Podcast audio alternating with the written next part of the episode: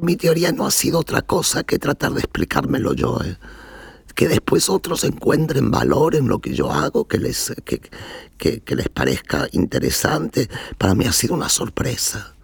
Porque todo eso era para mí tratar de entender lo que pasó un poco obsesivamente, ¿no? Yo me convertí en una obsesiva de la teoría y encontré teóricas sumamente importantes eh, y, para mí que han sido como definitorias de mi trabajo, como la profesora Gloria Becker o la profesora Filomena Sed, gente holandesa, profesoras holandesas, pero de ascendencia afro-caribeña. Y entonces ellas han teorizado muchas cosas de Holanda que hasta hace poquitos años no estaban para nada discutidas así a, nivel, digamos, mainstream. Ah, nadie hablaba de eso. Entonces, encontrar sus trabajos que ellas venían trajinando desde hacía décadas. ¿eh? Y, por ejemplo, la profesora Becker, amiga personal de Angela Davis, persona que colaboró con Audre Lorde, y ella trajo todo eso y lo reconvirtió en una teoría político-racial de Holanda. Y cuando yo encontré eso, a mí me voló la cabeza. Dije, ah, por esto es lo que pasa, lo que pasa porque no había otra, yo no tenía acceso a, no, no, es que yo no tenía acceso, no había recursos así populares que uno dijera busco por internet y encuentro. Había muy poco. Estamos hablando del año 2000, 2001, 2002. Entonces todo esto eran temas como sumamente crípticos y no, no discutidos, inclusive una resistencia enorme, enorme del del holandés promedio blanco a siquiera escuchar las consecuencias de la historia colonial, ¿no? Es, era, bueno, violento casi.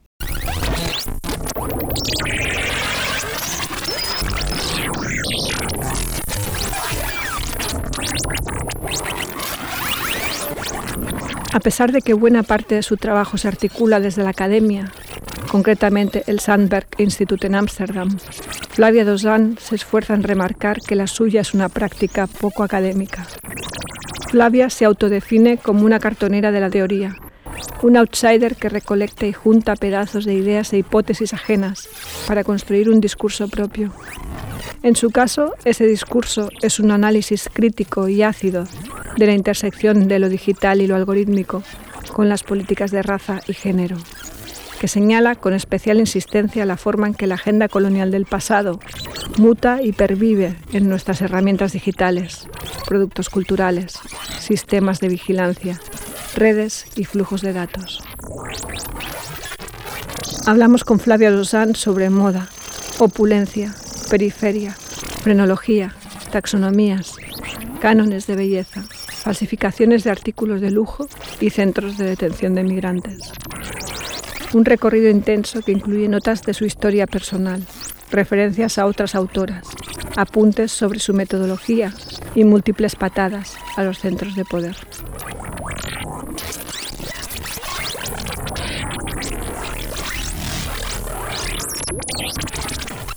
Hay un momento de inflexión que sucede que fue ah, el arresto de Quincy Gario, el ah, artista afro-caribeño holandés que solamente, bueno, él estaba por graduarse y como proyecto artístico él imprimió una camiseta que decía eh, Pitt es racismo.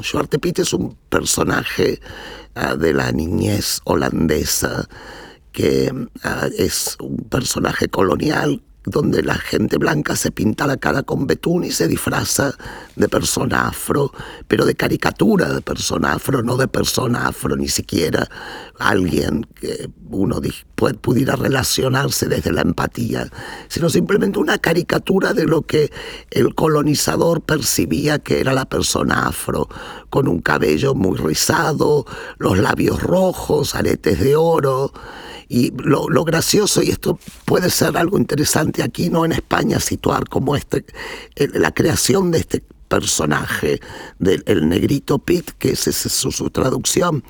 Este personaje es presentado en la cultura popular como si hubiera sido el ayudante de una figura que es parecida a Santa Claus, a Papá Noel, pero no es Papá Noel, es el Santo Nicolás, San Nicolás.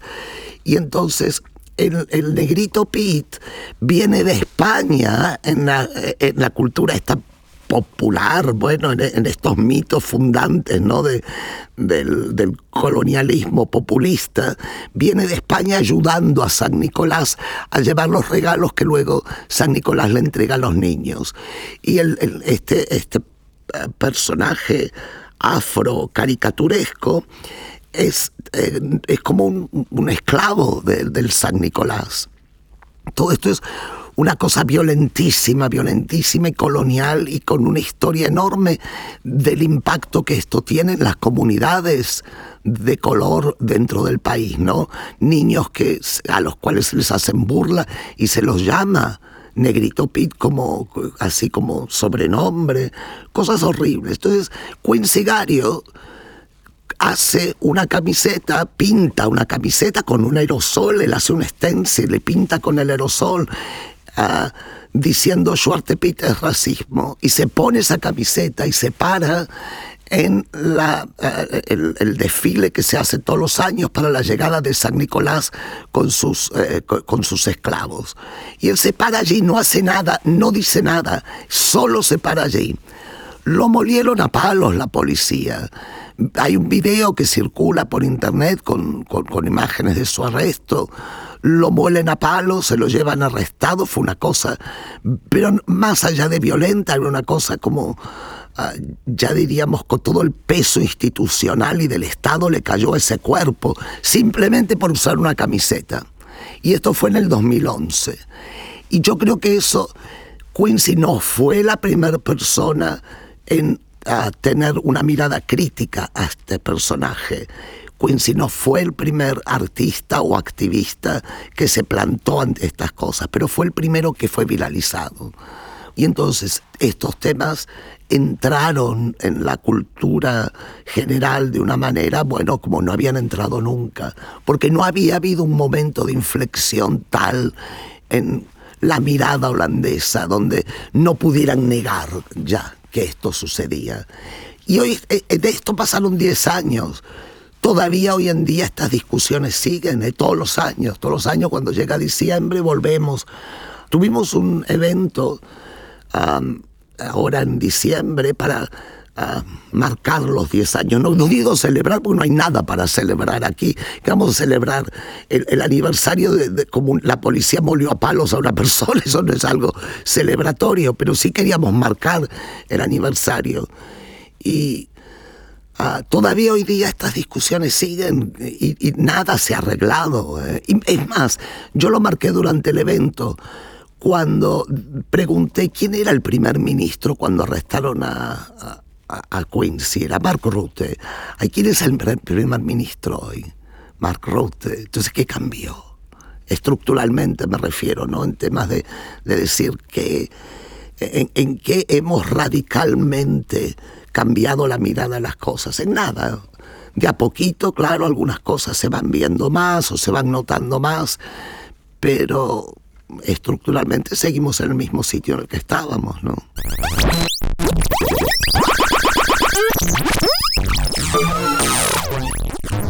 Obviamente yo no soy académica, no, tengo una formación académica eh, tradicional. Ah, yo soy una cartonera de la teoría, una ciruja, pero yo junto cosas, porque yo vengo de una práctica artística.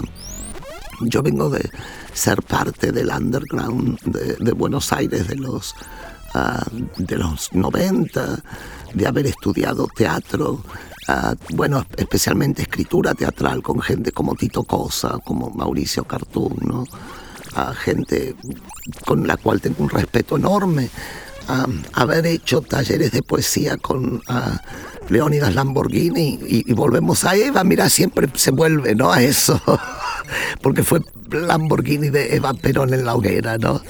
Entonces, a para, para mí todo eso ha sido formativo en lo, que, en lo que yo hago, con la manera en que yo encaro la escritura. yo no encaro la escritura desde la ficción, yo encaro la escritura desde contar una historia y contar la historia también.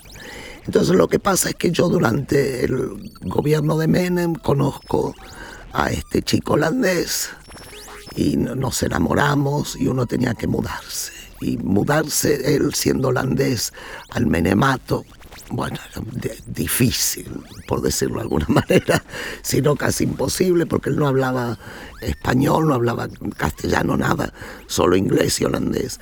Entonces dijimos, bueno, me mudo yo a Holanda. Solo que no, no teníamos dinero, así que yo me fui de, inmigrante indocumentada, ilegal. Y no, en Holanda hay otra cosa que después me costó también entender esto. En, en Holanda tú puedes eh, casarte con una inmigrante y, entonces le das los papeles de alguna manera, por ponerlo en, términos simples, burocráticos. Eso está permitido por ley pero tienes que ganar miles de euros. El pobre no puede casarse con, con, una inmigrante. El pobre o el trabajador o, o, el estudiante, la estudiante, la persona que no gana más, creo que en este momento estamos hablando de a 2.000 euros, 2.500 euros al mes, esa, esa, persona no tiene derecho a formar una pareja con, con una inmigrante.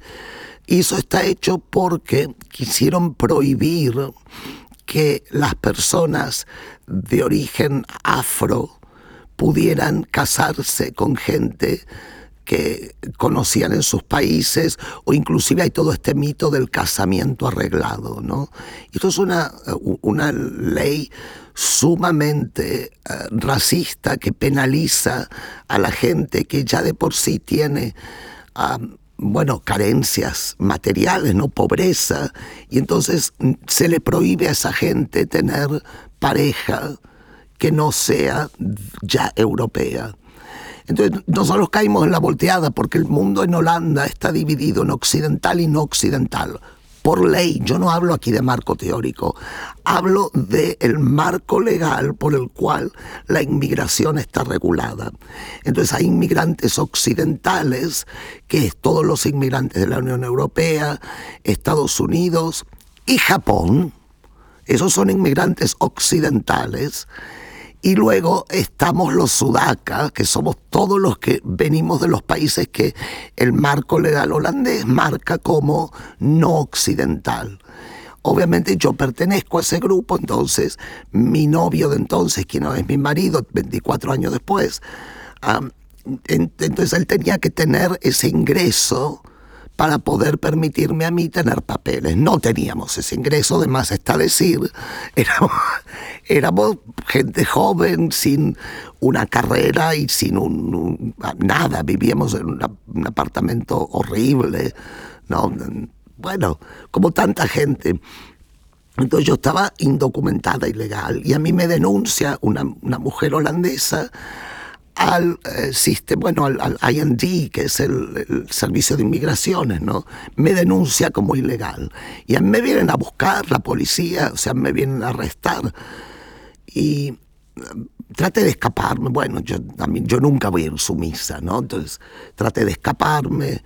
Eh, que, intenté salir corriendo por un techo, obviamente no funcionó. ¿no? es que tampoco uno es una estrella de parkour, así que lograron arrestarme. Yo estaba embarazada en ese momento, iba a ser, ah, bueno, iba a ser...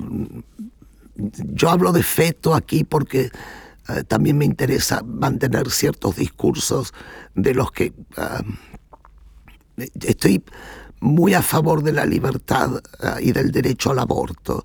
Entonces no quiero hablar de bebé y que haya una confusión aquí de que yo hablo que un, feto de, de, tres meses es, es, un bebé formado. Pero yo lo sentía como un bebé porque era, esto era deseado.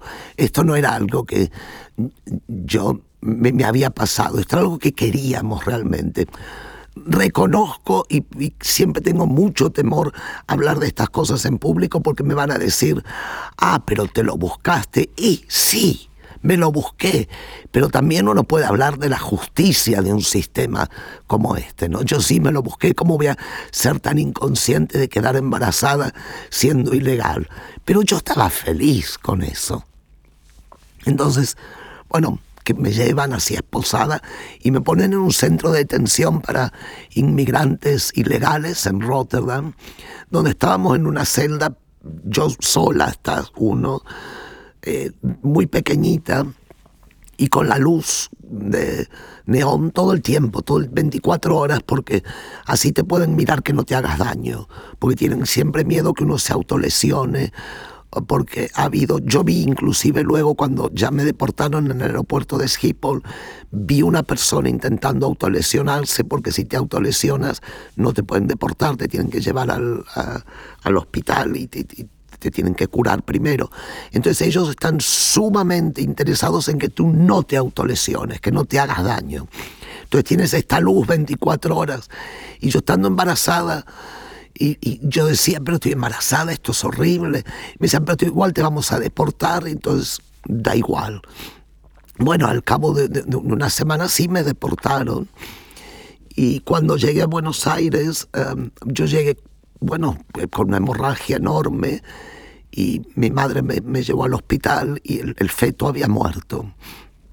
Y hubo que hacer toda una operación. Yo nunca pude volver a tener hijos, ¿no? Y ahí, eh, bueno, probablemente eso haya tenido mucho que ver. Entonces, bueno, me emociono mucho hablando de esto, porque ha sido un punto de inflexión en mi vida, ¿no? Yo no sabía todo, todo esto de lo que yo hablo ahora como cuestiones teóricas, yo no las sabía, pero yo había venido a Europa con una perspectiva sumamente eurocéntrica, ¿no? De que el tema de la democracia y los derechos y la justicia. Y yo no, no se me ocurría que uno pudiera caer víctima del Estado por un tema burocrático. Yo no lo concebía. Yo no concebía que hubiera...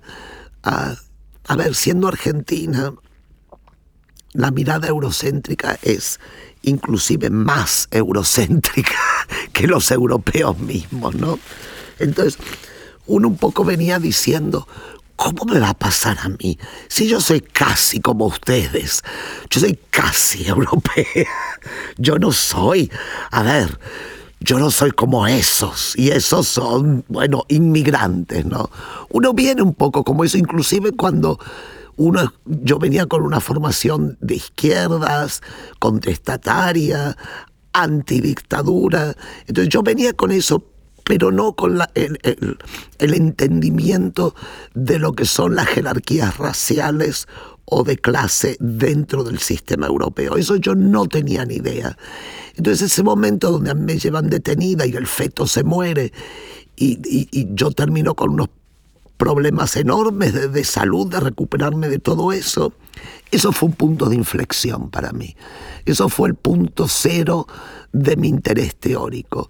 A partir de ese momento yo no pude volver a escribir ficción, no pude volver a retomar ah, mi interés en el teatro porque me convertí en una desesperada de entender qué era lo que había sucedido en ese momento con, mi, detención y con estos eh, campos que tienen para poner a inmigrantes indocumentados Inclusive hay comidas que yo no puedo comer hoy día porque me dan, ah, tengo un reflejo que me dan como una arcada, ¿no? Para vomitar, porque eso es lo que te alimentaban allí en ese centro, que era una comida infame, que uno, yo no se la doy a mi perra eso.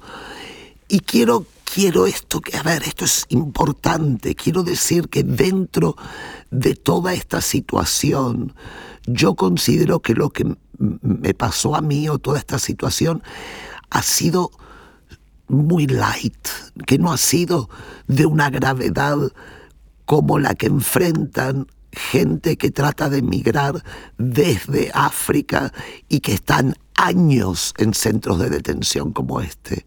Años.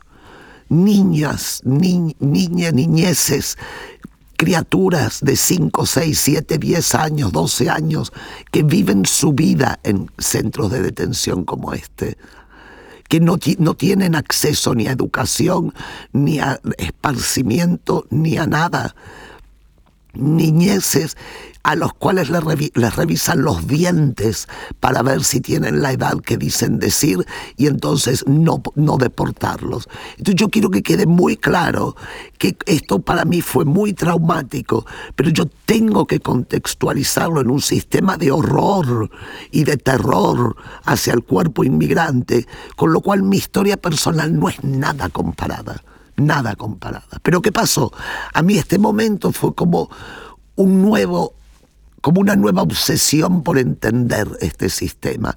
Inclusive yo venía con todo un imaginario de lo que es Europa, que no tenía nada que ver con la realidad. Con esto de que enterarme que hay una persona rubia que es pobre. ¿Cómo que es pobre? Es rubio. Sí, pero es pobre. Y yo eso no lo concebía. Y eso es el colorismo con el cual nosotros, bueno, nos nutren o nos nutrimos desde que nacemos, ¿no? La idea de que Europa es otra cosa. Y no, Europa es... Europa... Hoy en día la Unión Europea es un mega imperio hecho de múltiples imperios que se han unido para tener más poder. Pero Europa es un, es un sistema imperial con todo lo que eso implica y no hay país europeo que no haya de alguna manera participado de esto. ¿no? Inclusive los países escandinavos, a mí me encanta cuando eh, Sudamérica hablan, no, pero los países escandinavos. Todo ese bienestar está construido sobre las espaldas de labor de, de gente esclavizada. Entonces este bienestar europeo ha sido construido bueno, en base al sufrimiento de, algunas gentes. Y eso es lo que me interesó entender, ¿no? A partir de ese momento de detención.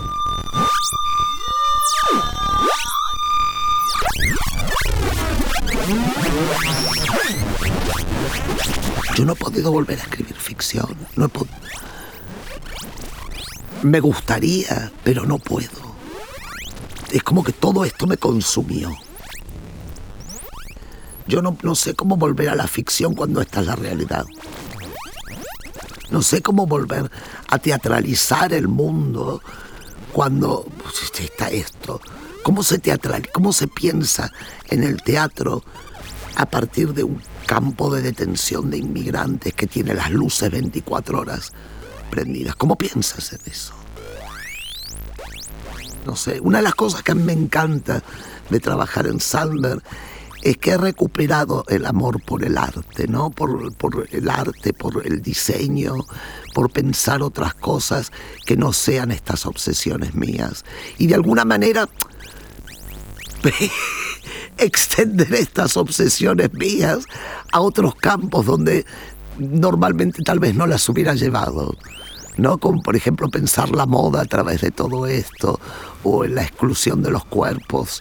Y hablábamos eh, sobre el tema de la, de la periferia. A mí me gusta mucho lo de la periferia porque me parece que es un punto de partida, ¿no? Estar como fuera de el centro de poder y mirar al mundo fuera del centro de poder lo de los márgenes, me parece que lo que se marginaliza es una acción de la cultura dominante de empujar algo fuera, expulsar, es un momento de expulsar. Mientras que la periferia no contiene necesariamente ese aspecto de, de haber sido expulsado puede haber un elemento de elegir mirar desde fuera, mirar desde eh, dislocado del centro de poder. Y a mí eso me interesa, me interesa como punto de vista teórico, me interesa como manera de mirar al mundo. hay una cosa que yo, bueno, tengo como una alergia, ¿no? Y es la idea de la neutralidad la idea de, la objetividad. Nada de eso existe. Lo que existe son las subjetividades cis, blancas, masculinas, europeas, colonizadoras, que se han convertido en un universalismo.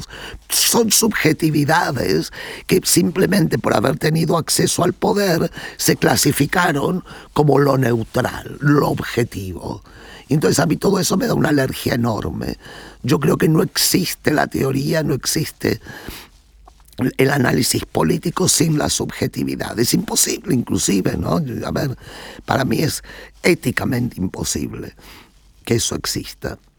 Entonces, desde esa perspectiva, me interesa tratar de dar un paso al costado y mirar desde la periferia. Y esto tiene que ver con donde yo crecí en Verazategui, que es un suburbio de los suburbios de Buenos Aires, es un barrio que es una, municipalidad que es empobrecida, con unas dificultades enormes, y eso inclusive en el imaginario popular porteño es la periferia, eso es la periferia del conurbano bonaerense y yo soy muy conurbano, yo eso es lo que soy, esa es la perspectiva que me interesa llevar a donde sea que voy y no importa el tipo de texto o, marco teórico que yo intento abordar con mis análisis, mis disquisiciones y a veces mis devaneos, ¿no? El irme por las ramas este que me gusta tanto, pero siempre periférica, siempre.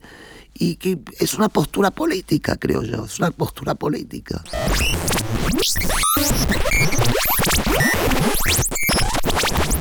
Yo hace como cinco años, creo, bueno, cinco, un poco más, tal vez empecé a mirar datos demográficos.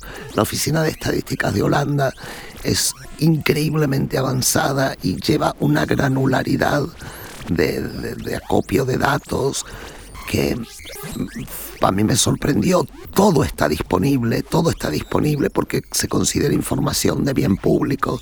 Entonces tú te puedes bajar todas las plantillas con los datos demográficos de la cuadra donde vives, de, cualquier sitio, de todo el país. Y entonces yo empecé a ver porque yo estaba tratando de entender los mecanismos de exclusión cómo los mecanismos raciales determinaban el valor de propiedad, por ejemplo, de una propiedad, especialmente porque yo vivo muy cerca de una calle que durante muchos años estaba catalogada como la peor calle de Holanda. La más peligrosa, con más criminalidad, con menor valor de las propiedades. Entonces yo vivo bastante cerca de esa calle, me interesaba ver cómo se llegaba a eso de que algo fuera la peor calle. Y claro, descubrí que algo así como el 90% de las personas que vivían en esa calle eran gente de origen migrante y gente ah, que tenía unos ingresos muy por debajo de la media del país. Y todo esto era data que uno tenía disponible.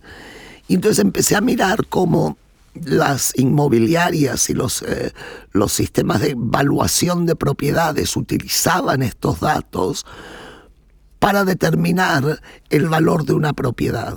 Y eso me llevó a pensar en cómo la pobreza intergeneracional, es decir, una pobreza pasada de padres a hijas, eh, nietas, etcétera, etcétera, cómo eso funcionaba también a través de estos procesos de agregar data, ¿no? Entonces, si tú tienes una propiedad que vale 100 mil euros, pero como está lleno de inmigrantes, te la vamos a evaluar a 80, cuando la, madre el padre se mueren y le dejan esa propiedad a un hijo, le están dejando una propiedad que vale un 20% menos, simplemente por dónde está situada. Entonces ya ahí tenemos un mecanismo de transferencia de riqueza que está en desventaja con respecto a donde vive la cultura dominante. Entonces a mí me empezó a interesar mirar los procesos de acopios de datos y la creación de aplicativos para estas cosas desde esta perspectiva. Así fue como yo llegué eventualmente a esta noción de la colonialidad del algoritmo. El algoritmo, claro que yo, lo, yo le llamo algoritmo, pero esto es un proceso metonímico donde el algoritmo es como una maleta, ¿no? Una, palabra de la cual estoy hablando yo, de tecnologías, de procesos de, de, procesos para tratar la información, acopio de información, uh, los macrodatos. Esto es a lo que yo me refiero cuando hablo del algoritmo. Y cuando hablo de la colonialidad del algoritmo,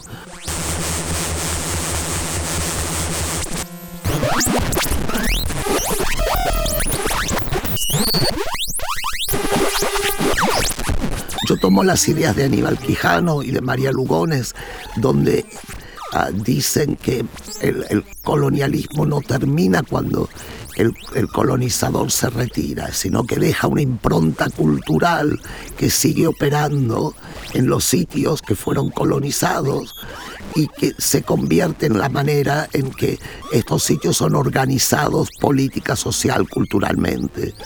Por eso me interesa la colonialidad más que el colonialismo, siendo que esto es un proceso dinámico que se extiende en el tiempo, más allá del momento de, las independencias o, de, ah, o, del retiro del ocupante. Y entonces lo que yo traté de hacer era entender al algoritmo como una herramienta tecnológica que continúa estos procesos de intervención sobre identidades subalternizadas, como por ejemplo personas racializadas, personas ah, que no son de género cis, personas que no tienen identidades sexuales heteronormadas, etcétera, etcétera. Y ahí me interesaba ver cómo los algoritmos se creaban para perpetuar estos, estos sistemas de nominación, como por ejemplo los algoritmos crean una situación donde normalizamos ciertas maneras de distribuir la riqueza, los recursos, etcétera, etcétera. Y todo esto en el marco de la acumulación de capital en los centros de poder, como ya sea Estados Unidos o Europa, o sea, los sitios donde el capital se acumula en manos de unos pocos. Ahora bien, pasando ya, extendiendo esto de la colonialidad del algoritmo, hay también una manera normativa a través de la tecnología de tratar a los cuerpos. Entonces me empecé a interesar en la manera en que los cuerpos son como disciplinados a través de la tecnología. Aplicativos para bajar de peso, aplicativos para medir no sé, la circunferencia de, las caderas o, de, la cintura y cómo esto lleva a una especie de frenología algorítmica. Es decir, aplicativos que toman ideas que son de Lombroso y de, César Lombroso, este criminólogo del siglo XIX, estos, estas clasificaciones taxonómicas que vinieron a través de Carl Linnaeus y de tantos otros que, le siguieron ah, luego y que todo esto lo implementan en tecnologías que supuestamente son contemporáneas y nuevas, pero lo único que hacen es reproducir estos patrones de disciplinamiento. Y en este aspecto me interesa cómo la moda se convierte en uno de los brazos ejecutantes de esta disciplina sobre los cuerpos. Por ejemplo, mirando los cortometrajes que lanzó Gucci para su campaña de otoño-invierno del 2020.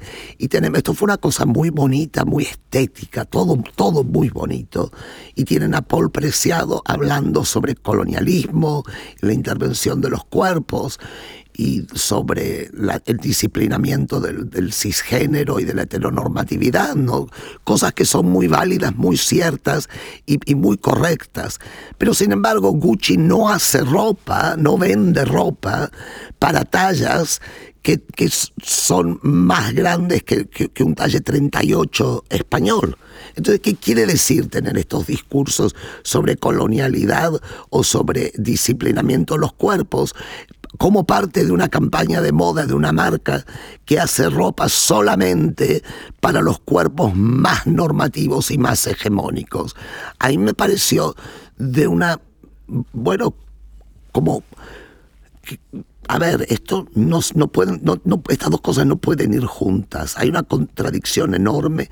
A mí me provoca una disonancia cognitiva este momento cultural porque no se puede hablar de, colonialismo a través de una marca de ropa que no quiere que ciertos cuerpos usen sus, prendas.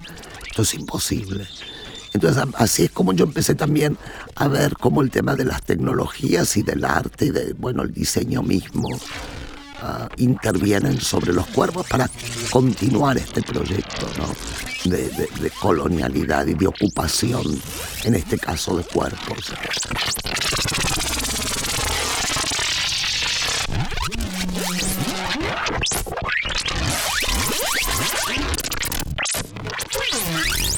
Esto también se extiende más allá de, de, solo la moda. Claro, también la cultura popular, la manera en que ah, las marcas de lujo ah, comercializan sus productos como algo a desear, ¿no? Se, se convierten casi en como un, diría, una sublimación de lo sexual más varias maneras porque nosotros deseamos eso, deseamos no solo los cuerpos, deseamos también eh, ese lujo que la prenda confiere. Y así fue como yo también empecé a ver el tema de las falsificaciones y el tema de que hay algoritmos desarrollados para detectar los artículos de lujo, especialmente carteras, bolsas, eh, o sea, artículos de cuero que sean falsos. Y para eso examinan el artículo a nivel molecular, porque a simple vista no se puede determinar qué artículo es eh, auténtico y cuál es falso. Y claro, si hay que examinar el artículo a nivel molecular, entonces estamos hablando de una diferencia de clase que solamente puede ser detectada con un microscopio, o sea, un clasismo microscópico casi uno diría. Y esto solamente ha sido facilitado por las nuevas tecnologías. Porque claro, si la persona que no es ultra rica lleva un bolso que solo pueden llevar las personas ultra ricas, esa persona está creando una disrupción en la manera en que leemos la clase social, ¿no? Porque entonces, ¿cómo distinguimos al que es ultra rico y que tiene derecho a privilegios del que no lo es? Y bueno, a nivel microscópico.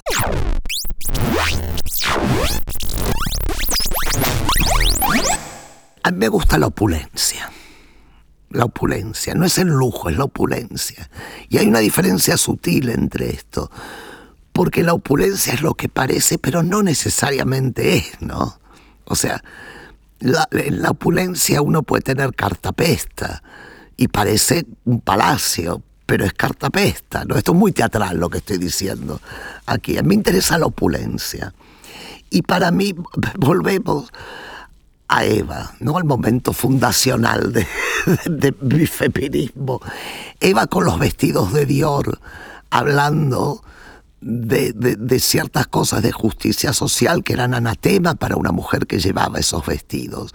Y Eva entendió mejor que nadie cómo usar la opulencia como herramienta política.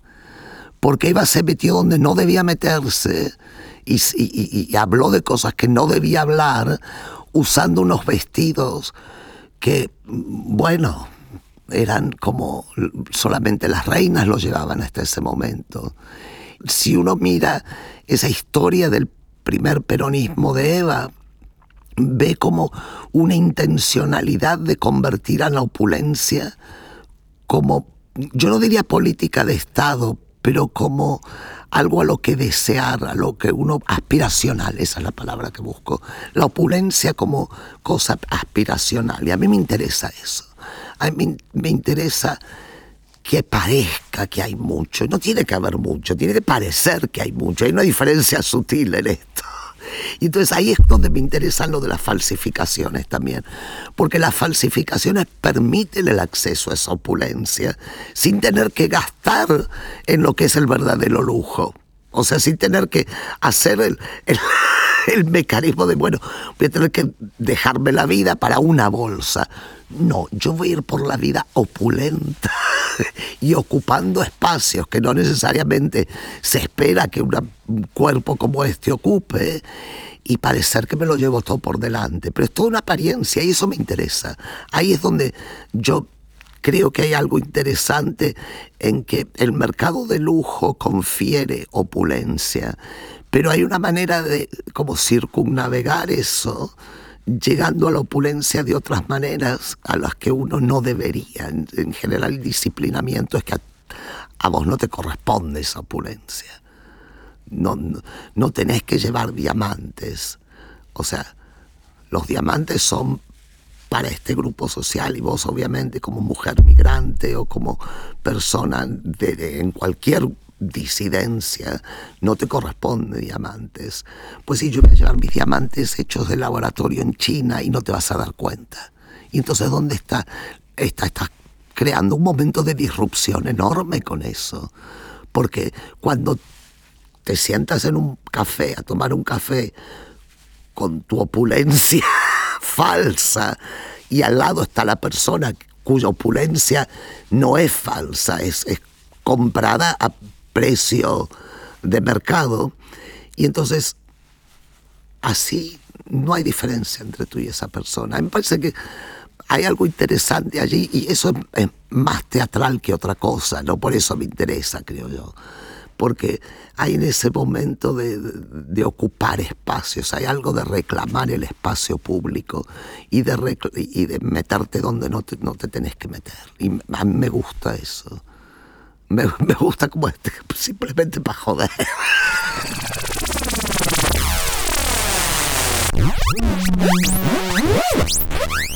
Las leyes suntuarias fueron leyes que, bueno, existen desde la Edad Media para regular quién puede ponerse qué cosa, qué, ropa es permitida, depende de la clase social, el género. Entonces esto desde la, desde la Edad Media, los, los lores feudales establecieron que las clases populares podían vestirse solo con, eh, con, ciertos, eh, ciertos atuendos. Lo que pasó en la época de, las colonizaciones es que eso, cuando fueron los, los, colonizadores a México y a Perú y a cierto, bueno, en, en África también esto se dio, las personas indígenas se vestían con su ropa, pero era considerada demasiado lujosa y hacían que uh, el colonizador sintiera que la persona indígena estaba aparentando ser de una clase que no era. Entonces se instituyeron, el, el, emperador Felipe II fue el primero y luego Felipe IV, su nieto, instituyeron leyes eh, que se llamaron suntuarias, regulando qué podían ponerse los cuerpos colonizados, esto es, las personas esclavizadas afro, a lo, los, las personas indígenas, mestizas, etcétera, etcétera, solo podían ponerse ropa que fuera de algodón y no de seda o de, o, de telas uh, lujosas, porque entonces uh, cualquiera que se los cruzara por la calle pudiera, podría pensar que eran, uh, que eran también de la clase dominante. Entonces hoy día vemos como las marcas de lujo tratan de evitar que ciertas clases populares usen determinada ropa porque les arruinan la marca. Entonces la, las marcas de lujo hacen un, proceso de, casi de policía para asegurarse que sus productos solo puedan ser adquiridos a través de los canales oficiales que sean auténticos y que claro cuestan un dineral y así poder seguir eh, eh, esta tradición de que cierta gente no debe ser vista con ciertos productos de lujo. Y volvemos a lo que decía sobre la opulencia. Ahí es donde me interesa ese mecanismo de crear la apariencia de opulencia porque no te corresponde. Es una manera como de, de invadir un territorio, de reclamar un territorio que no es el tuyo.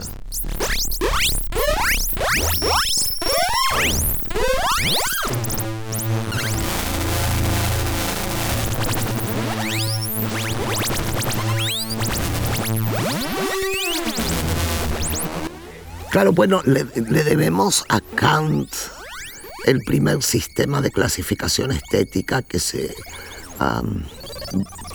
que se convirtió en mainstream. Tal vez eh, no puedo asegurar con certeza no, no haya sido el primero que se escribió, pero sí el primero que se convirtió en canónico, donde Kant establece categorías de belleza, categorías de fealdad y claro, coincidentalmente estas categorías de belleza se condicen con las categorías raciales del colonizador, el europeo, uh, el, blanco, como el pináculo de la belleza y como el cuerpo, inclusive Kant, habla de tamaños de circunferencias de cabezas, de um, proporciones uh, corporales y todo lo que él describe como bello es el cuerpo blanco uh, europeo. Pero y aquí estamos en España, estamos en, en Cataluña, es importante hacer esta distinción cuando Kant habla de las categorías de belleza y del europeo,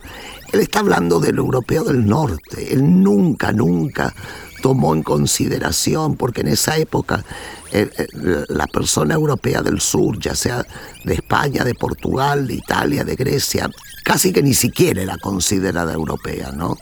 O sea, a, nivel geopolítico sí, pero a nivel cultural no.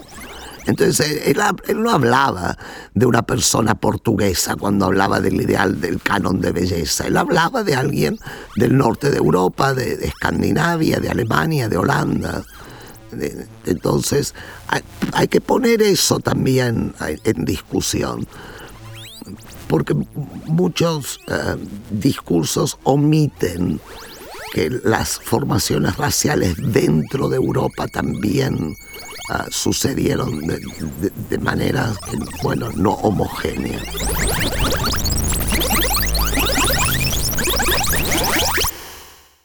Entonces Kant habla de lo que es bello y crea una categoría de lo que es feo y, claro, en, eso están todos los cuerpos que no son eh, blancos hegemónicos, ¿no?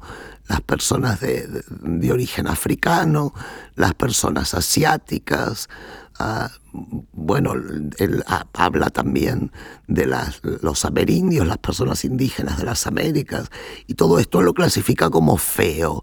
Y él dice, inclusive, porque él ofrece cierta granularidad, dice que dentro de cada uno de estos grupos étnicos, que entre sí tal vez se vean bonitos unos a otros, pero que eso no los hace objetivamente bonitos que una persona, por ejemplo, indígena, encontrará a otra persona indígena y la encontrará atractiva o bonita, pero que eso no significa que objetivamente sean bonitos, sino que solamente que se gusten entre ellos.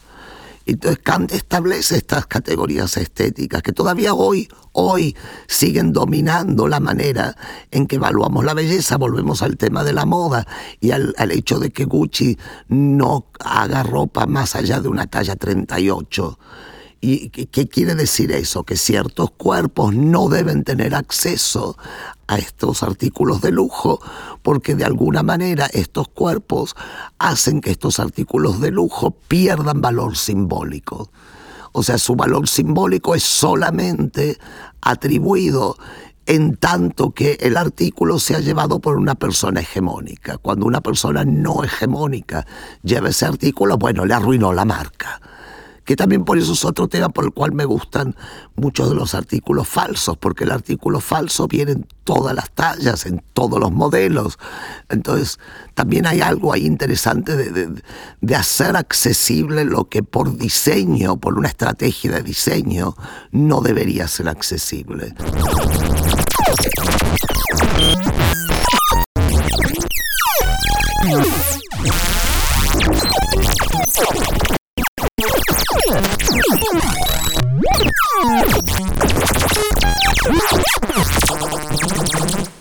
A mí me interesa ver todo el presente a través de una lente histórica. Me parece que nada de lo que sucede, nada de lo que hacemos eh, culturalmente, socialmente, políticamente, puede ser aislado del proceso histórico que nos llevó a este momento. Entonces yo trato de entender los puntos de incepción de ciertas cosas, cómo llegamos a esto, cómo sucedió esto. Y para eso a mí me interesa la historia como un devenir, ¿no? Como una cosa que nos va sucediendo y como ya casi diría como algo genealógico, ¿no?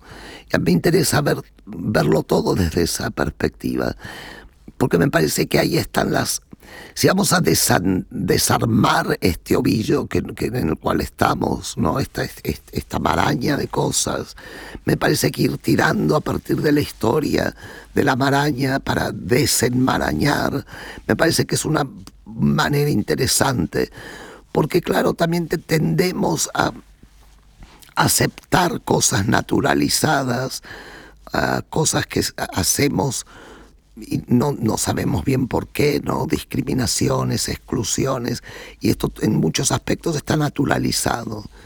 Y a mí me interesa ir al punto en el que esto fue insertado para mostrar y para, bueno, demostrarme y para tratar de entender cómo no es natural, esto no es, a mí todo lo que sea natural me genera, toda apelación a lo natural me genera una alergia enorme, enorme.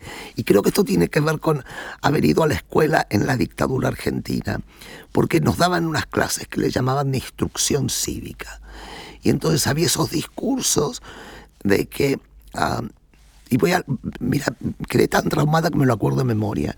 La familia es la célula básica de la sociedad. Entonces se apelaba a la naturaleza, se apela a los discursos de lo que la naturaleza hace o da.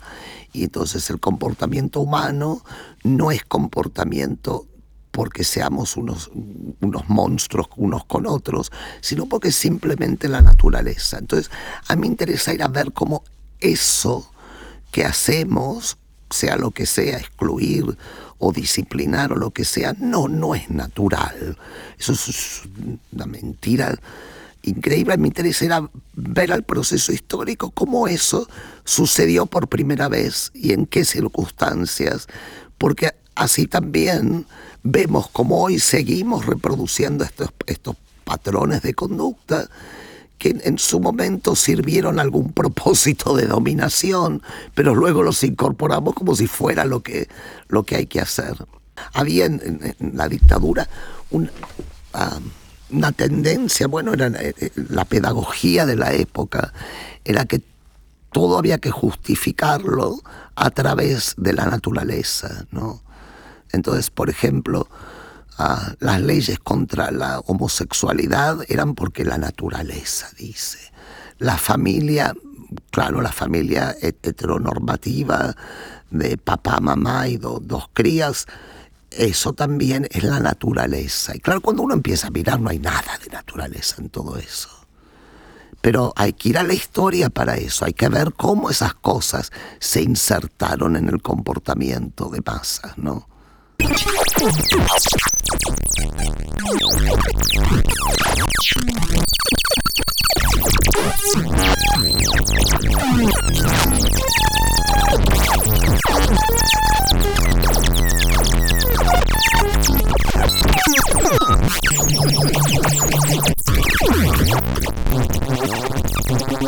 Bueno, yo hablaba la otra vez de la experiencia de lo auténtico como una, eh, una experiencia religiosa y contaba lo de eh, los fieles de una iglesia en Bélgica que, eh, bueno, adoraban a un ícono en la iglesia que pensaban que era hecho por un, un pintor flamenco, ¿no? como del siglo XVII, una cosa ellos le daban a ese icono una jerarquía muy grande hasta que se descubrió que ese icono era falso, que no había sido pintado por ningún pintor prominente, no sé bien, no, recuerdo ahora los detalles de quién, pero no era lo que el icono parecía ser. Y los fieles estaban furiosos porque habían estado adorando un icono falso. Y entonces, claro, la pregunta que a uno le surge es, pero no da igual qué icono, o sea, qué es lo que uno está adorando en este caso. Porque si la fe religiosa no depende de la autenticidad de lo que uno está mirando cuando reza, o no debería al menos. Pero sí, hay, algo en la autenticidad que genera como una, un momento de verdad, yo diría.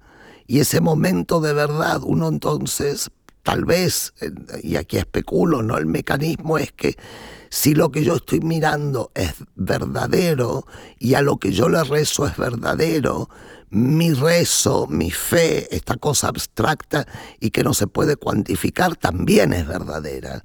Me parece que hay ahí algún momento de transferencia, de verdad, de materialidad, que cuando esto se revela falso, entonces todo lo que sucedió en torno a esto ha sido falso también. Eso tiene que provocar tal vez una inquietud, un, un dislocar, ¿no?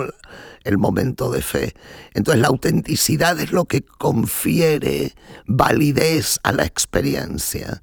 Yo me pregunto, ¿cómo puede ser esto? Cuando yo veo un cuadro falso la Mona Lisa y digo, qué hermosura, esto es precioso, mira lo que es esos colores, ese manejo de la luz, esa experiencia de lo sublime, ¿qué diferencia hay si estoy en, presencia de una copia perfecta o en presencia del original? O sea, lo sublime debería, debería seguir siendo lo mismo. Pero no, aparentemente hay esta idea de que me han defraudado. ¿Cómo? Si lo que estás viendo, o sea, el proceso material de ver, de lo que pasa por tu retina, es idéntico. No, nadie te, te ha defraudado.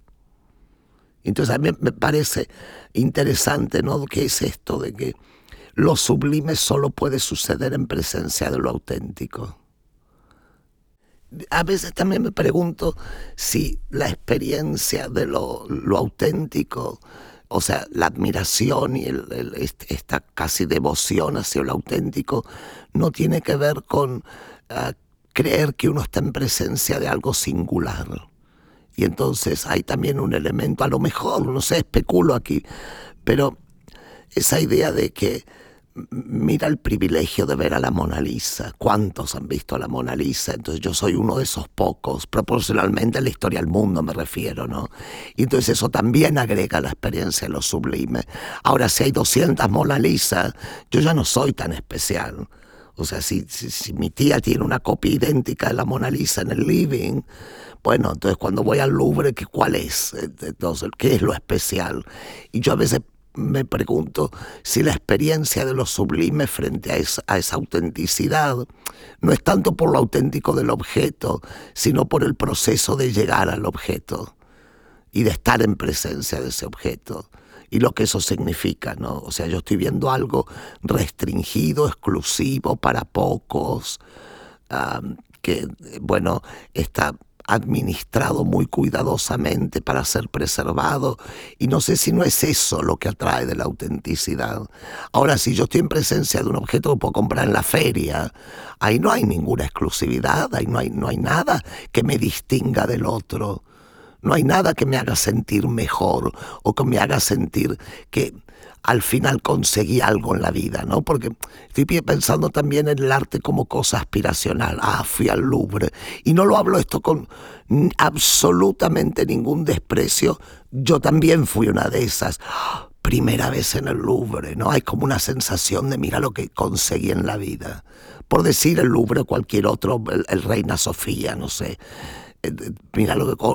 ah, bueno, el ir al Vaticano, ¿no? El ir al Vaticano, una de las experiencias más horribles que tuve en la vida, las cosas más desagradables, un calor y estos pasillos llenos de gente donde no te puedes parar porque la, la, consigna es que hay que circular constantemente, atropellado por gente, una cosa horrible. Pero hay toda una, una narrativa de que no fui al Vaticano fui al Vaticano. Entonces, claro, no es lo auténtico que está allí lo que a lo mejor tiene tanto valor, claro que lo, lo tiene, ¿no? Si uno está viendo el Miguel Ángel, pero es el haber llegado ahí a ver el Miguel Ángel lo que le confiere ese valor único. Y si hubiera 500 Miguel Ángel repartidos por todo el mundo, absolutamente idénticos, inclusive en composición molecular, no serían lo mismo, porque entonces cualquiera puede ver, el Miguel Ángel. Yo ya no he hecho algo especial en acceder al Miguel Ángel. A lo mejor también hay algo de eso, ¿no? En esa experiencia de, lo sublime eh, en relación a lo auténtico.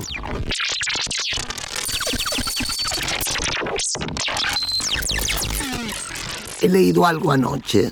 El Departamento de Estado de Estados Unidos ha decretado que WeChat es una plataforma para la piratería y la violación de ah, derechos de autor y están viendo de prohibirla por eso porque claro es un es un mercado de, de, commodities y de cosas falsas pero no es a ver eso es como WeChat llega a Occidente. En China WeChat es WhatsApp. Entonces, no decir que es una plataforma de piratería, no, es una plataforma, punto. Lo que pasa es que como Estados Unidos no tiene control sobre WeChat, no pueden hacer como hacen en Facebook, que les fuerzan a sacar los anuncios.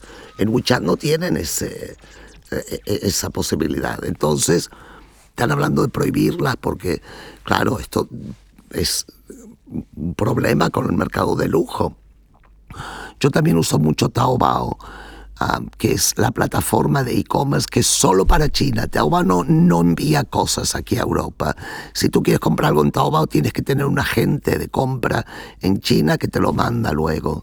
O sea, hay un intermediario. Puedes comprar prácticamente cualquier cosa disponible porque es un mercado donde todo se vende. Pero no es que se vende todo porque es ilegal, no se vende todo porque es una plataforma y una plataforma con restricciones muy diferentes a las restricciones que tenemos aquí. Entonces, ese es el motivo. No es que no haya restricciones, es que son restricciones de otra naturaleza. Eso es lo que le cuesta a veces entender, creo, a, las personas occidentales o europeas. ¿no? Ah, no hay restricciones. Claro que las hay, solo que son diferentes. Yo no podría vender un libro anticomunista en Taobao. Entonces, hay restricciones, pero sí puedo vender una bolsa Chanel falsa. Porque eso, no, esa parte no, no está restringida.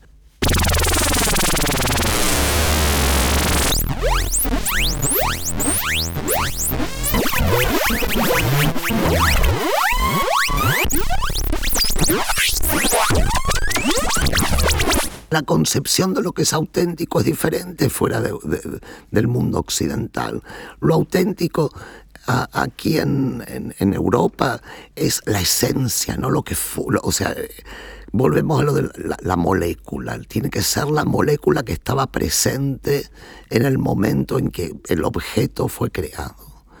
Pero en otras partes, y en, China, eh, eso es el caso, ah, la copia y el auténtico no necesariamente eh, se distinguen entre sí porque eh, se ve a la copia como parte de un proceso Ah, donde el auténtico es un punto en el proceso y la copia es otro, pero son parte del mismo continuo de, producción o de creación o lo que fuera, ¿no?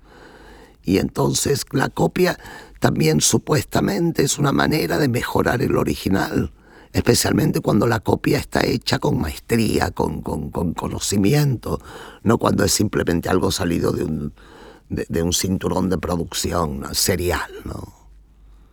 Entonces me interesan un poco también esa manera de, ver lo que es lo auténtico.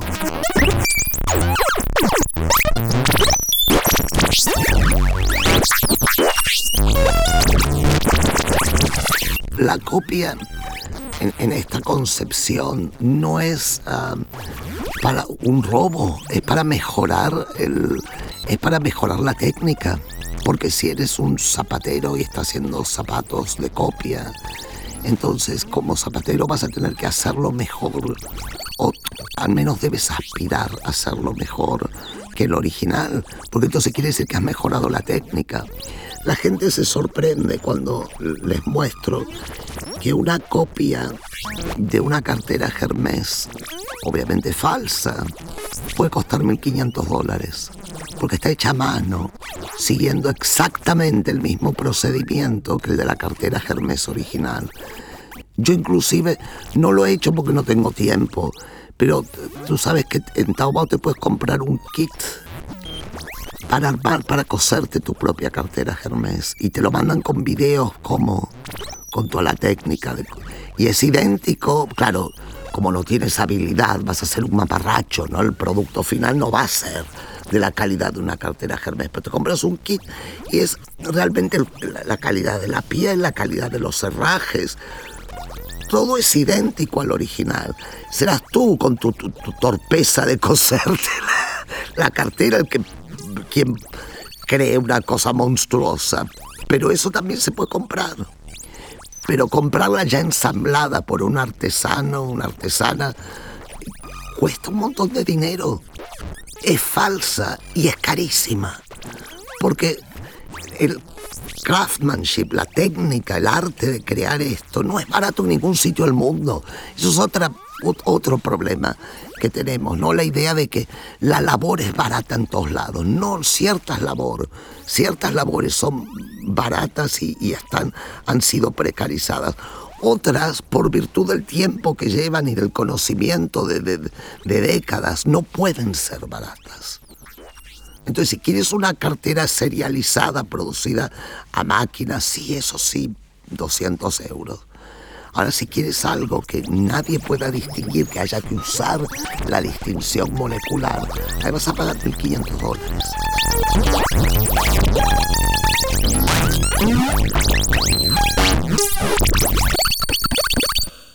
Que aparentemente había objetos que no se pueden distinguir si el, que la, bolsa que hizo a una persona artesana en China es idéntica al, a, simple vista es idéntica, ¿no? Obviamente no estamos hablando ah, con un análisis detallado, a simple vista es idéntica. Entonces, estos ah, desarrolladores de software inventaron un método por el cual saben la composición de la piel y de los herrajes de los auténticos y luego lo comparan con la, la composición a nivel microscópico de la copia. Y ahí salta porque, claro, la piel producida en ciertos sitios específicos de Francia, como puede ser la de una bolsa Hermès, que las, vacas vienen de un lugar específico. Esto es cierto, esto no es marketing. Si tú vas, ves dónde están las vacas y los animales, y la piel la hace una, en, el caso de Hermès es uh, Tanerías Haas, se llama, es un un proveedor de, pieles que le vende a Hermès y le vende algunas cosas a Chanel. Entonces, los cueros, las pieles que hace Tanerías Haas son muy específicas, porque es una fábrica, a ver, no es un conglomerado internacional, es esta fábrica. Entonces hay manera de ver la composición porque ese cuero no va a ser el mismo que el cuero que se haga en la Pampa Argentina, por decir como ejemplo. Entonces sí hay maneras de ver cómo la composición de un material puede diferir. Y eso es lo que han inventado estos desarrolladores de software para autenticar artículos de gran lujo. Y estamos hablando también de cosas como un reloj Rolex, cosas que cuestan a lo mejor 200 mil euros. Entonces ahí hay un interés en, en ver si eso es falso o no. Porque hablamos de una cartera Hermes que son carísimas el falso cuesta 1.500 eh, dólares, la auténtica cuesta 7.000. Es todo muy caro, pero no estamos hablando de un precio equivalente a una propiedad. Estamos hablando dentro de lo muy caro, algo que, bueno, si es falsa, ya está, vaya, tírela y compre otra.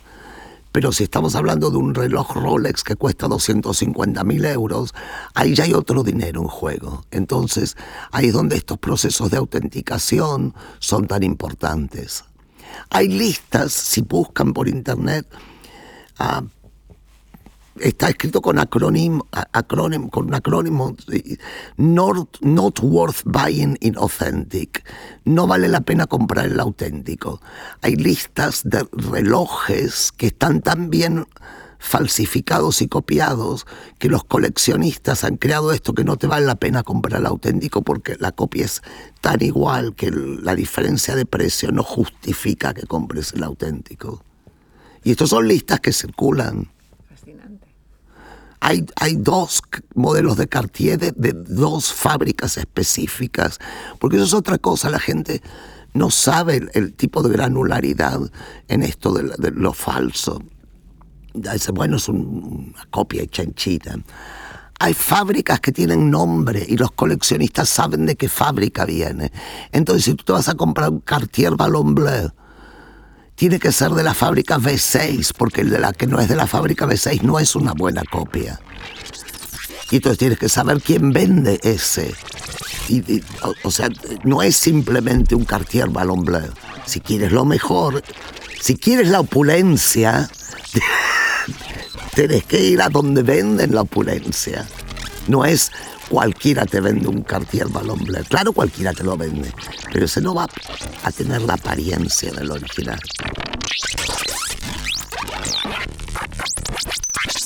Las chaquetas de, piel de Yves Saint Laurent son como muy populares, pero populares son, son muy, muy caras. Y hay un taller en China que es como conocido internacionalmente por producir las mejores chaquetas de Saint Laurent. Y el taller se llama La Califa, así, La Califa. Y La Califa es el nombre de una película italiana acerca de una mujer que organiza el sindicato de una fábrica donde los obreros estaban siendo explotados. Y esa película italiana es sobre la historia de esta mujer y su lucha sindical. Y así se llama la fábrica de camperas, de chaquetas falsas de Saint Laurent. Yo no, no puedo concebir que ahí no haya un proceso de diseño con un conocimiento profundo de quiénes somos en Occidente. Es mentira. Ah, ellos copian, ellos además, ¿no? El otro. Ellos copian, no. Hay un conocimiento profundo de quiénes somos como cultura. Porque tú puedes ponerle a tu taller de producción de chaquetas de piel La Califa. Y, cuando miras el marketing de La Califa, son fotos de La Califa, de la película, no es casual, esto no es algo que, ah, mira qué nombre bonito y lo puso, esto es, un proceso de diseño. Esto es un proceso de diseño. Y me enteré hace poco que la persona que, que, que tenía este taller iba a dejar de producir estas cosas de Saint Laurent porque quería producir solo sus diseños. Y entonces estaba, también ofrecía sus propios diseños. Yo tengo la idea de que muchas de las cosas que se hacen en China con ah, falsificaciones, los motores de esas falsificaciones, gente que ha estudiado arte y diseño en Europa, porque tienen un conocimiento profundo y muchas veces inclusive con muchos más matices que los que tenemos nosotros aquí de los de los objetos y de la historia del arte y de la historia. Pero nada de toda la industria esta de reproducción es de baja calidad cultural. Tienen una profundidad y un conocimiento enorme y que no, no debemos subestimar, hay que respetar eso porque eso requiere una transculturalidad que nosotros aquí en Europa no tenemos. Nosotros no somos capaces de entender la cultura de otro lugar con la misma profundidad que esta gente entiende la nuestra y que sabe lo que queremos y lo que consumimos, mejor de lo que lo sabemos nosotros inclusive. Entonces me parece que también hay algo de, no hay algo de, hay mucho de racismo en la manera en que leemos estas producciones y estos, ah, estos intercambios. Hay un nivel de artesanía y de conocimiento de técnicas de producción, de, acceso a, historias de materiales, que todo eso se, borra y se quita cuando se, se hablan de, estas, de estos temas de reproducción yo he visto trabajos de artesanía en, piel y de, zapatería o de, fabricación de, carteras que no, si estuvieran en Francia estarían siendo vendidos como, como procesos de alta moda. Pero, y, y, eso viene de China, no sé de dónde salió esa idea de que en China nada más hay, hay producción en serie de, no sé, de cosas de AliExpress. Eso no, no es cierto. Y no solo no es cierto, nos hacemos a nosotros mismos flaco favor cuando ignoramos eso, porque seguimos con lo de la superioridad cultural y racial, ¿no? Sí, pero, a ver, acá nosotros vamos a tener que aceptar en algún momento que el imperio del cual, en el cual vivimos, o sea, esta Unión Europea, que es un proyecto imperial, va a fracasar o, colapsará. No creo que ninguna de las personas que estamos aquí hoy esté vivo para ver ese momento. Yo no estoy hablando de un colapso inminente, pero eso, el devenir de la historia de lo que yo hablaba antes, ¿no? Es, es inevitable que eso suceda. Y parte de ese colapso yo creo que va a venir por esta constante, este constante subestimar al otro, ¿no? El otro siempre como alguien inferior. Y los métodos de producción, los métodos de distribución, todo eso serán parte, yo creo, del colapso, sin estar haciendo predicciones, pero simplemente mirando cómo otros imperios colapsaron.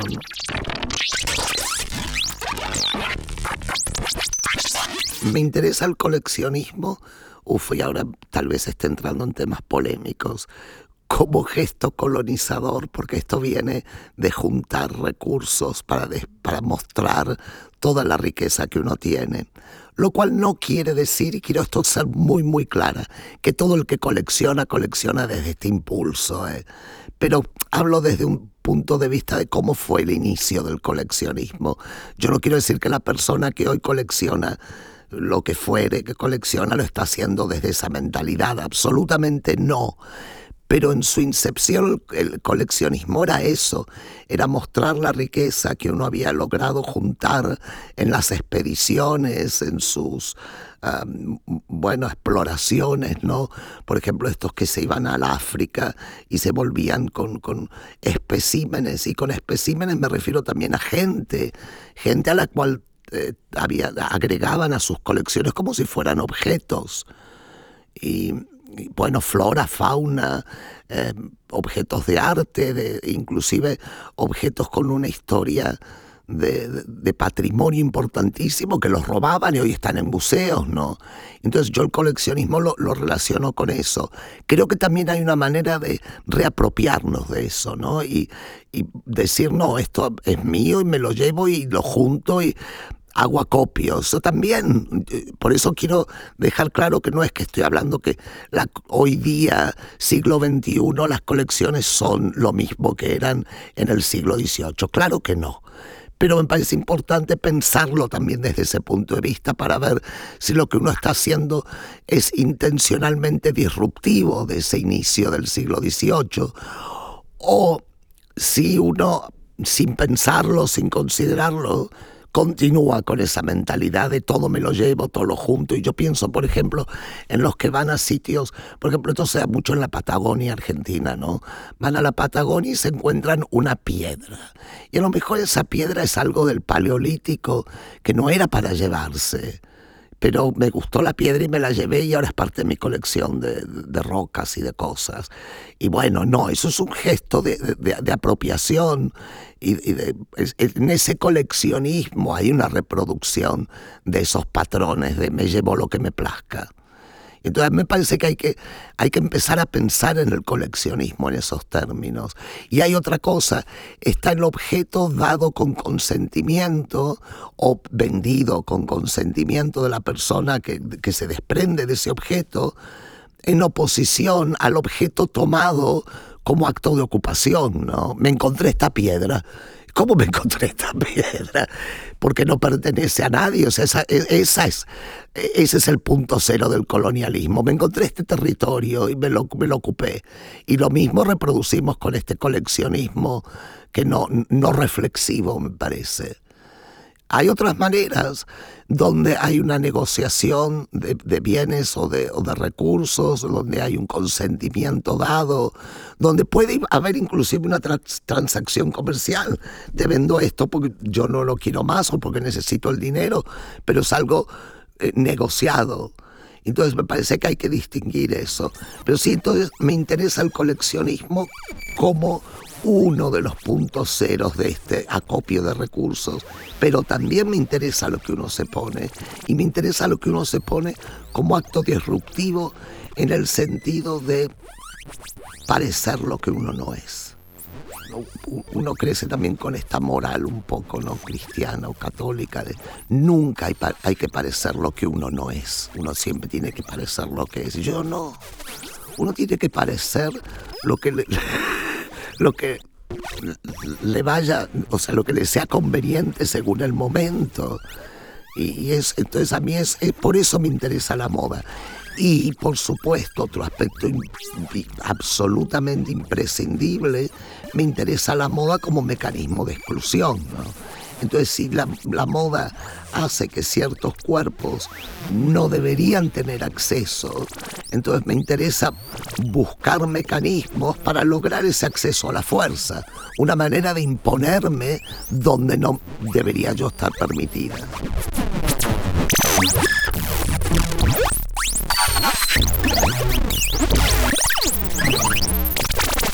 A mí lo que mi parte favorita de todo esto es que es un sistema súper rígido y donde no hay como ningún tipo de, variedad de cuerpos, todo es como casi idéntico. Y cuando empiezas a buscar fotos del David Kive, es un mamarracho. Es como este hombre, como este tipo, que es un, casi un liberache, pero de la moda, ha logrado tener esta penetración. O sea, no sé, es un tipo kitsch, exagerado. Yo hasta diría, eh, opinión personal aquí, yo hasta diría que misógino, con un odio ¿no? profundo hacia todo lo que es femenino, y entonces ha venido con esta clasificación cuasi fascista.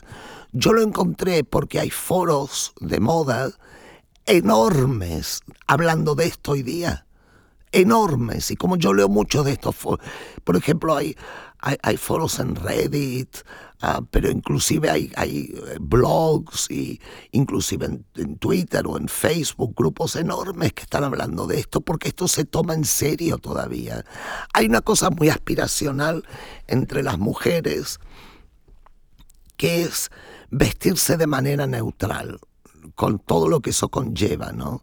Y hay foros de moda dedicados enteramente a esto, a tener una estética neutral. Y estamos hablando de monotonos muy, parecidos al blanco o a los beige muy claros. Negro se acepta, los tonos neutros. Yo empecé con todas estas cosas por tratar de entender estas clasificaciones de lo que son los tonos neutros y los tonos neutros, claro, especialmente en el contexto de Holanda, donde la palabra vacío también denomina a la persona de etnia blanca. Entonces, a mí me interesaba esto de la neutralidad. ¿Qué quiere decir los tonos neutros? Y bueno, eso es la blanquitud llevada a una estética de color, ¿no? Y han aceptado ciertos tonos que le llaman tierra, como los marrones o, el negro como parte de estos tonos neutros. Y hay como una, hay una corriente enorme de vestirse en tonos neutros como sinónimo de lo que es de clase alta. Y todo lo que sea colores chillones, colores fuertes, en estas corrientes de pensamiento de la moda, se considera como barato, desclasado, desagradable. Y allí a partir de esto fue que encontré a este Kibe, porque hay millones de mujeres midiéndose las caderas, el largo de los brazos para ver qué cuerpo, de, qué tipo de cuerpo Kibe tienen para elegir la ropa adecuada al tipo de cuerpo Kibe. Yo cuando vi eso dije, pero esto es frenología. Yo pero flashé cuando vi eso, no podía creer, no podía creer que existiera en el año 2021 o 2022. Eso es lo que me flashó. Porque que esto existiera en 1940 y sí, era la época, pero que todavía no. Y a mí lo, también lo que me parece interesante es que esto es casi como un underground de la moda, ¿no? Porque Vogue, por ejemplo, la revista Vogue, no te va a poner al cuerpo kibe, porque saben, hay gente sumamente como con, un entendimiento de las cosas que sabe que esto no. Pero esos principios todavía se utilizan en la estética que revistas como Vogue diseminan y, perpetúan en el tiempo.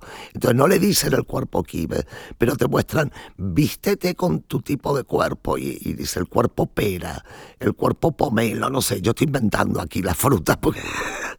Pero entonces la mentalidad kibe también es eso, eh, eso de, del clasificar el cuerpo y darle, disciplinarlo a través de la estética y de las formas. Y así fue como yo, entre, yo cuando vi eso, yo decía, pero esto es frenología, esto es lombroso. Y claro, nadie lo, lo ve desde esa perspectiva en los foros de moda en sí. Está naturalizado eso.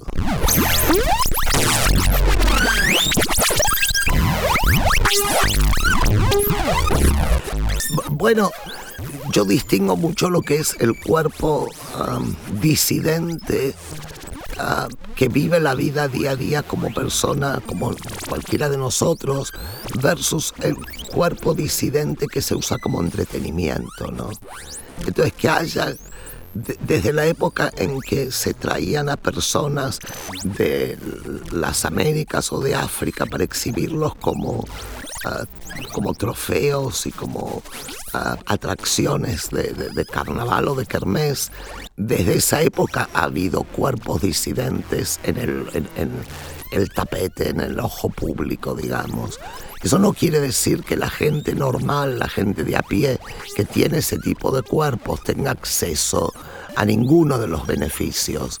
Porque, claro, Versace diseña para, para una persona específica de cuerpo disidente, pero cuando la persona común con un cuerpo similar va a la tienda de Versace, no, no hay ropa para ellos, porque ese diseño específico que se hizo como una estrategia de marketing no ha sido reproducido para la persona común que quiere ponerse una falda o una, una chaqueta.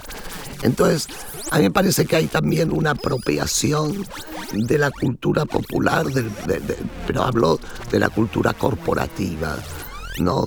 de, de estos cuerpos para bueno, venderlos como entretenimiento, como fuente de entretenimiento, mientras que no necesariamente hay, eh, bueno, momentos de liberación para la gente común que tiene cuerpos similares. O sí es útil tener referentes que se parezcan a uno. Sí, eso me parece muy bien y me parece que eh, eso puede ser algo empoderante para la gente, ¿no? Ver a alguien que se parezca a ti en la cultura es importantísimo.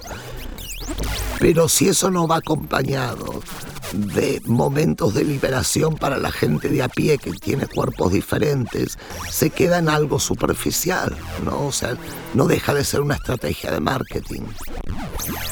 A mí lo que me causa gracia de Gucci es que ahora están haciendo esto, ¿no? De marketing, de, disidencias, digamos, disidencias, eh, ya sea de género o sexuales o, bueno, estéticas, no sé. Ahora, la ropa de mujer, yo comentaba el otro día, se hace hasta la talla 38. Pero tienen una línea de ropa de tallas más grandes que le llaman de género neutral. Y entonces ahí sí hay ropa para personas gordas, bueno, gordas, dentro de un límite, ¿no? De lo que Gucci considera gorda, pero no son ropas feminizadas, o sea, no son... Yo puedo comprarme un vestido de Gucci, tiene que ser uno de estos suéteres enormes, con, con capuchón, o sea, eso sí lo están haciendo a tallas más grandes y dicen que es para género neutral. Entonces también hay un disciplinamiento de las identidades femeninas, ¿no? Que eres mujer, bueno, yo me identifico como mujer, quiero un vestido. No, eso no es mujer. Ese cuerpo no es de mujer. Aquí tienes la ropa de género neutral para ti. Y entonces te dan unos, unos suéteres, unos pantalones así como de jogging, todo enorme, porque lo que es la femenidad está... No, no creemos que tú eras... Eso no es femenidad, es otra cosa. Llamémosle neutral, pero femenidad no. Lo vestido para ti, no. Falda tampoco. Pantalón de jogging y suéter.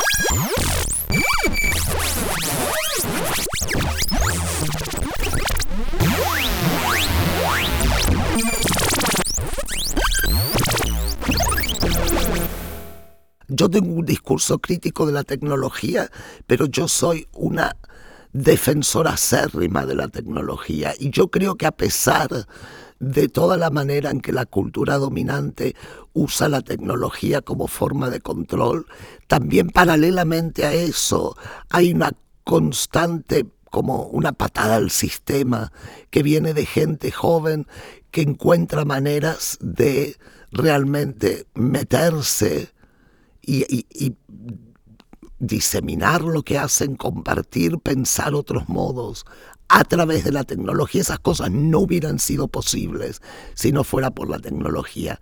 ¿Cómo es posible que una chica en un barrio carenciado del conurbano bonaerense en, en Argentina pueda tener diálogos fructíferos con una persona que vive en Lagos, en Nigeria, por ejemplo. Eso no hubiera existido si no fuera por la tecnología.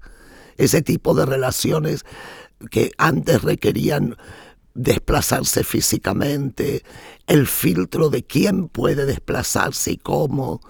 Y yo creo que eso, inclusive, no ya hablo de diálogos de intercambio de, mensajes, pero inclusive diálogos artísticos, de obras que existen en tensión en relación a, otras, a otros lugares que antes hubieran sido imposibles de pensar. Y yo en eso creo que eso es lo que debemos rescatar de los usos de la tecnología. Todas las taxonomías de lo que yo hablo, eh, todos los sistemas de clasificación, eso es lo que hay que no solo repensar, sino rediseñar. Eso sí. Pero lo que no hay que repensar es esos modos de relacionarse que han facilitado la tecnología. De eso creo que no hay vuelta atrás y, lo agradezco. A mí me interesa mucho el tema de, la colaboración. A mí me parece que la creación de, ideas o la, exploración de ideas no necesariamente es un acto individual. Em, es más, la, mejor manera de explorar ideas es como parte de un proceso con, otras personas, ¿no? Porque uno si no corre el riesgo de, bueno, desarrollar ideas que son no solamente equivocadas, sino que hasta son dañinas y entonces tener esos espacios de colaboración con la gente que uno, en la gente que uno confía. Y sí, yo colaboro con, con Quincy, colaboro con, uh, con Metahaven, a, a, quienes quiero muchísimo porque además son amigas y bueno, gente muy cercana, ¿no? Casi como familia y también colaboro con gente de Sandberg, inclusive el proceso de dar clases dentro del, del Sandberg Institute se podría pensar como un espacio de colaboración en el departamento, ¿no? Con otro, otras, otros tutores y con, bueno, personas y, claro, los estudiantes, las estudiantes también. Y a mí me parece que eso es el aprendizaje y eso es el desarrollo de ideas, es las ideas dentro de un contexto de comunidad, sino de qué sirven, de qué sirve todo esto si no es parte de un proceso para tratar de mejorar las condiciones materiales de la gente. Tratar de que, a ver, para ponerlo en términos súper simplistas, si las cosas que hacemos no sirven para vivir mejor, con más calidad, con, ah, con más posibilidades de emancipación. Entonces, ¿para qué hacemos esto? Es un, ejercicio simplemente, bueno, masturbatorio, casi diría uno, ¿no? Entonces a mí me interesa la colaboración pensada de esa manera, pensada como algo que es parte de una comunidad, que trasciende a la individualidad y entonces esa colaboración es lo que permite que uno, o al menos minimiza las posibilidades de que uno meta la pata, de que uno no diga barbaridades, porque siempre hay alguien que va a decir, pero no, Flavia, esto no, no va por ahí. Y eso se agradece. Porque cuando uno trabaja solo también te, te pasa eso, es, es fácil creerte que vas por el buen camino. Y eso, la comunidad corrige eso a ver, un concepto de lo fractal, ¿no? De lo que se expande y lo que se expande sin direcciones predefinidas, casi uno diría al azar, ¿no? Y a, mí me interesa eso como metodología un poco, ¿no? El azar como metodología, una cosa lleva a la otra y ahí uno intenta también ver las conexiones, los puntos de, los puntos de conexión históricos y, sociales ¿no? y culturales que pasan en las cosas sin ir a buscarlas. yo no siempre voy a buscar todas estas cosas. A veces estas cosas aparecen como resultado de buscar otra cosa. Y ahí en ese casi encuentro azaroso me parece interesante ¿no? tomarlo eso como una metodología, como, a ver, un, poco caótica esto casi que diríamos que es una contraposición a la rigidez de la metodología académica. Como yo vengo de una práctica artística, no necesariamente me tengo que regir por la, la, la manera de hacer puramente académica. Claro, hay elementos académicos y también yo tengo mucho respeto por la ciencia. No estoy hablando acá de que de repente ya no vamos a seguir ciertos parámetros de verificación de datos o de, eso no. pero hablo de la manera en que uno encuentra sus proyectos. Yo no voy a buscar el proyecto. A, eh, mí me pasa generalmente que leo algo y no me lo puedo sacar de la cabeza y eso persiste, hay una persistencia casi como una molestia y el proyecto de investigación termina siendo una manera de sacarme de encima eso. Lo que pasa es que generalmente en ese proceso de, de, resolver esta molestia encuentro otra cosa que se convierte en mi próximo. Y eso es lo que yo digo de lo fractal, ¿no? Casi azaroso de que las cosas exploten en direcciones impensadas. Y eso me parece que es lo más interesante de la investigación artística y de, y de las investigaciones que no necesariamente tienen que ser dogmáticas. Odio, escribir, odio escribir. Odio todo el proceso, odio, odio todo esto. Es, es como tener una infección que uno tiene que sacarse de encima. Y entonces escribir es la única manera en que esto se va y ya puedo pasar otra cosa. Y además es un proceso, yo no diría doloroso, yo diría molesto, me parece una pérdida de tiempo absoluta. A mí me gustaría poder hablar, no tener que escribir, solo hablar. Y hablar también, no hablar y escucharme mi propia voz, sino hablar en diálogo, ¿no? Tener conversaciones. Por eso es interesante lo que mencionabas de, mi colaboración con Metahaven y ah, las investigaciones que hicimos con Daniel, que esos fueron diálogos. Claro, había un elemento donde los dos ah, habíamos escrito lo, que ah, decantábamos de estos diálogos, pero eran diálogos. Y entonces eso me parece mucho más fácil, fácil desde, como proceso que sentarme a tener que articular todo esto sola. Yo si pudiera no escribiría, haría otra cosa, no sé qué es otra cosa y a esta altura de mi vida ya no hay otra cosa, es esto. Pero no es algo que me dé placer, no es algo que yo diga, ay, qué lindo, bien. no, horrible. Inclusive me causa gracia cuando hay gente que te dice, ah, yo quiero ser escritora, ¿cómo, cómo hago? No, no sé. A ver, mi, momento favorito de eso es cuando me dicen, yo quiero ser escritora, pero no sé sobre qué escribir. bueno, entonces no debería ser escritora, porque a mí lo que me pasa es que yo escribo porque por desesperación, porque hay algo que tengo que poner ahí que de otra manera nunca me lo saco de encima. Entonces hay un sentido de urgencia en lo que hago, pero y esto a lo mejor suena un poco como no sé, egocéntrico, rimbombante, y no, no, no lo no lo digo de esta manera, no, no es, esa no es la intención. Es más bien una cosa de, de fastidio. Eso es lo que me lleva a mí a escribir. Y querer también de alguna manera a mí me pasa mucho que yo me distraigo, ¿no? Paso horas leyendo, y, pero leyendo cosas que así a priori uno diría no están relacionadas, pero después uno piensa, uno, bueno, procesa esto y te das cuenta que sí, que estaba todo relacionado.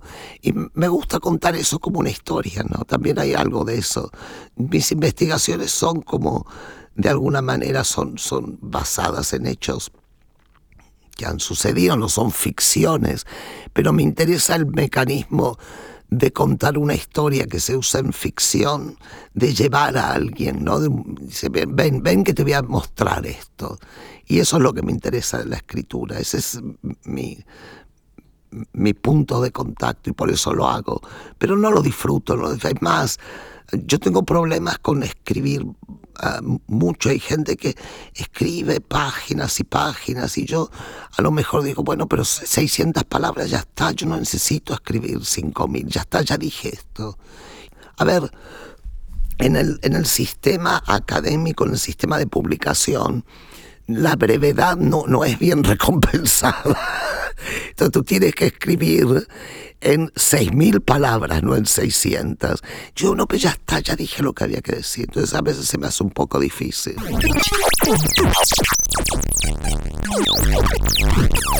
Claro, porque yo no sé, no, me gusta improvisar, odio improvisar, porque me van a agarrar desprevenida, voy a decir una barbaridad.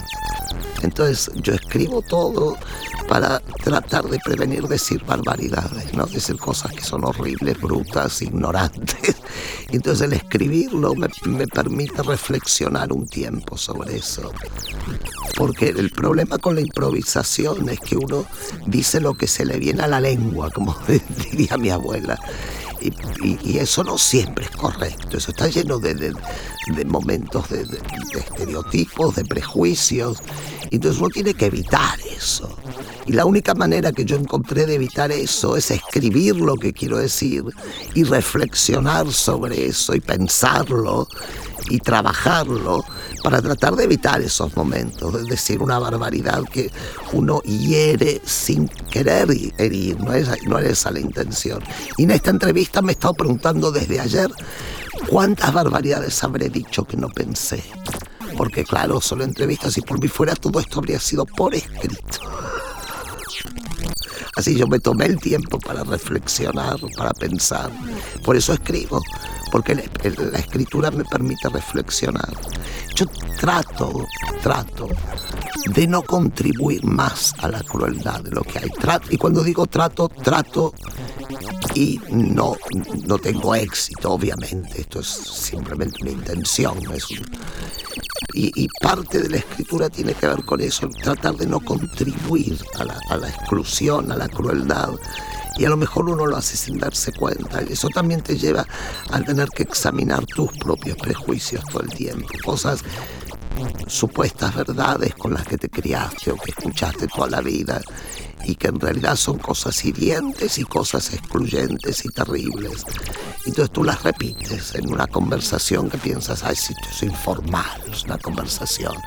Pero no, a lo mejor hay mil personas que escucharon esto, de las cuales a lo mejor hay cien que les lastimaste. Entonces la escritura para mí es una manera de tratar de minimizar el impacto de, las palabras de uno, no ser cuidadoso. Yo practico la escritura como un acto de cuidado, o trato al menos.